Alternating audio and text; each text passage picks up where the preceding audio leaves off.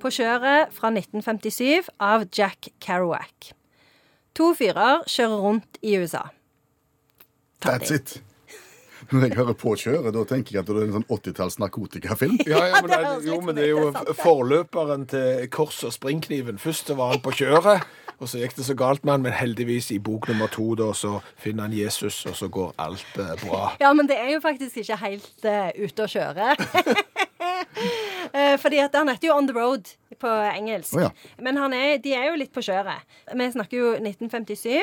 Dette er jo liksom den ultimate ungdomsopprørsromanen. For dette her Altså, 50-tallet er jo kanskje den mest konforme tida i hele USAs historie. Eh, Hva mener du med konforme Nei, at alle skulle jo eh, de, altså, Det hadde jo vært krig. sant? Hitler hadde jo drevet og herja. Alle skulle være fornøyd med å eh, Pluss det var jo veldig sånn velstand i USA, så de oppfant jo all slags sånn maskiner som kunne gjøre det greit å være hjemme. Så alle skulle være fornøyd med å leve forstadslivet, ha 1,7 barn, og kvinnene skulle være hjemme og lage kaker, og menn skulle være på jobb og gå med dress og, og slips. Og da reiser de ut på biltur for Da- å på en måte vise litt muskler sjøl? Da havner de på kjøret. Eh, sånn det- og de har jo De menger seg jo med litt sånn halvkriminelle folk, og det er dop og alkohol og sånne ting. Slapp av nå, du. Er det, er det sånn? Ja, det er litt sånn. litt sånn Vann og vann og venner-aktig. Blanding av det og Pelle Proffen? Ja.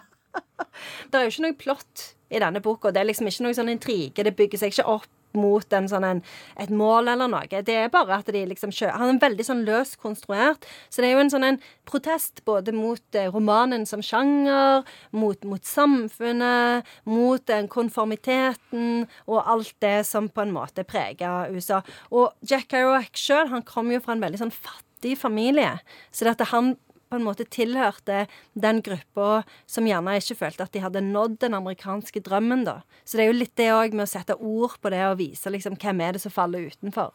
Men jeg tenker det er et utrolig dårlig innsalg du driver på med nå av den boka. Nei, altså, han er skrudd løst sammen, og det er ikke noe plott, altså, det skjer ikke noe spesielt, og Pelle og Proffene der, og Vam og venner, og, og sånn. Det, det ikke, du får ikke lyst til å lese den. Nei, du gjør kanskje ikke det, men det er jo litt spennende òg. Liksom, det har jo betydd utrolig mye. Altså, det er liksom den der road-movien, eller liksom den der reisen liksom på, i, rundt i USA, det er jo en, det er jo en av de mest liksom grunnleggende mytiske amerikanske fortellingene.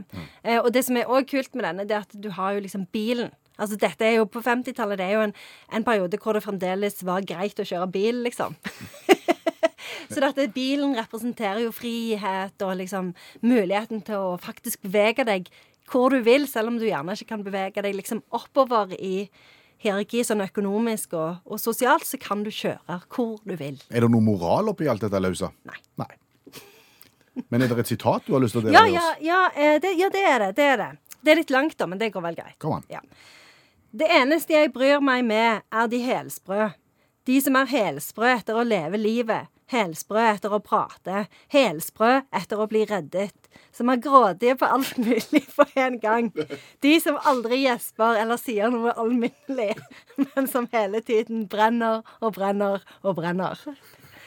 Ja, men det er jo sånn Jo, det er er jo- Fossiler som Det er ingen som er sprø, og jeg hater alt som er spredt. og glad i rei. Er glad i rei òg. Det er jo sånn.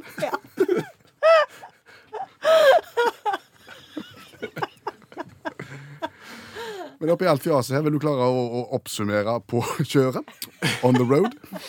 Forløperen til Kors og springkniven, etter det jeg har grunn til å tro, eh, og en road movie-bok, eh, der det er om å gjøre å kjøre amerikansk bil.